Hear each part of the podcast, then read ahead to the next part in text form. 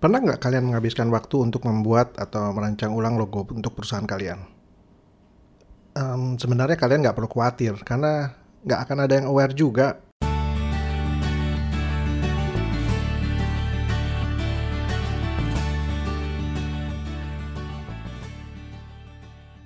Halo semua, ketemu lagi dengan saya Bang Win dan kali ini saya ingin membahas tentang sebenarnya penting atau tidak logo perusahaan kalian.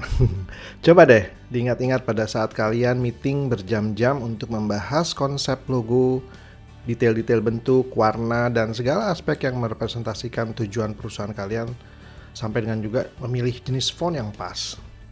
Gila ya waktu zaman-zaman tersebut. Nah, bagi pasangan Scott dan Alison Stratton yang menulis buku yang berjudul Unbranding, logo itu nggak penting. Perlu diketahui logo itu bukanlah awal dan akhir dari sebuah branding.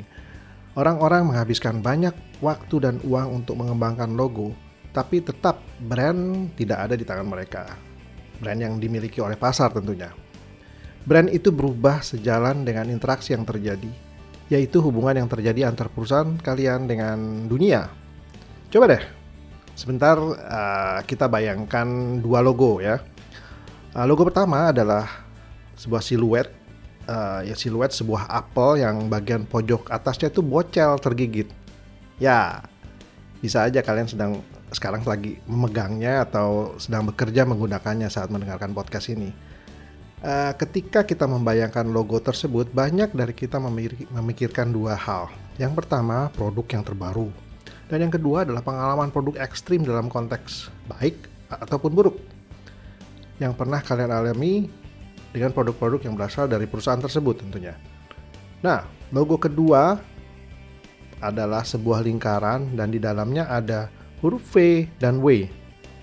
Ketika kalian melihat logo ini, bisa saja kalian membayangkan mobil ya, uh, kalian sedang mengendari mobil menuju ke tempat hangout favorit kan?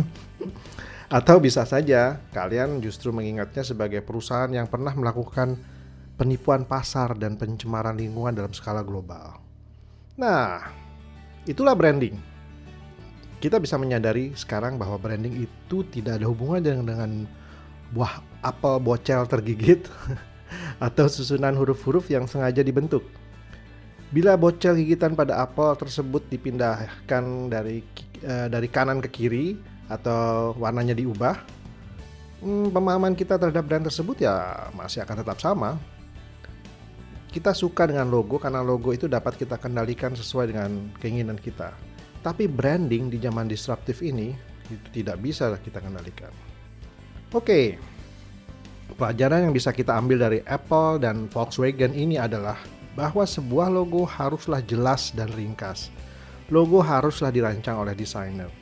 Logo haruslah konsisten sehingga bisa mengingatkan siapa pun kepada bisnis atau layanan yang terbaik di mana kalian telah menginvestasikan banyak waktu dan dana dalam persiapannya.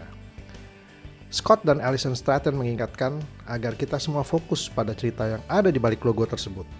Contohnya, bisa diceritakan kisah-kisah sukses yang berkaitan dengan bisnis dan layanan kalian sehingga secara tidak langsung bisa membawa pasar pada kenyamanan dan loyalitas. Oke, sekian dulu ya di episode 6 ini. Mudah-mudahan bisa berguna. Dan jangan lupa kalian bisa berlangganan Bangwin Podcast dengan memilih kanal-kanal podcast yang ada di bangwin.net slash podcast. Saya ulangi ya, bangwin.net slash podcast. Di sana pilihannya ada uh, kanal-kanalnya ya. Itu ada Apple Podcast, SoundCloud, Anchor.fm, Stitcher, Google Podcast dan juga Overcast. Jadi tinggal dipilih aja yang mana yang kalian suka untuk uh, uh, berlangganan. Oke, seperti biasa jangan lupa jika ada usulan ataupun topik-topik yang kalian ingin saya bahas di Bangwin Podcast ini, silahkan kirim email ke bangwin@gmail.com atau boleh juga mention saya di Twitter uh, Bang Winnie Simo. Double S ya, jangan lupa. Terima kasih sudah mengikuti Bang Win Podcast dan sampai jumpa di episode berikutnya. Bye bye.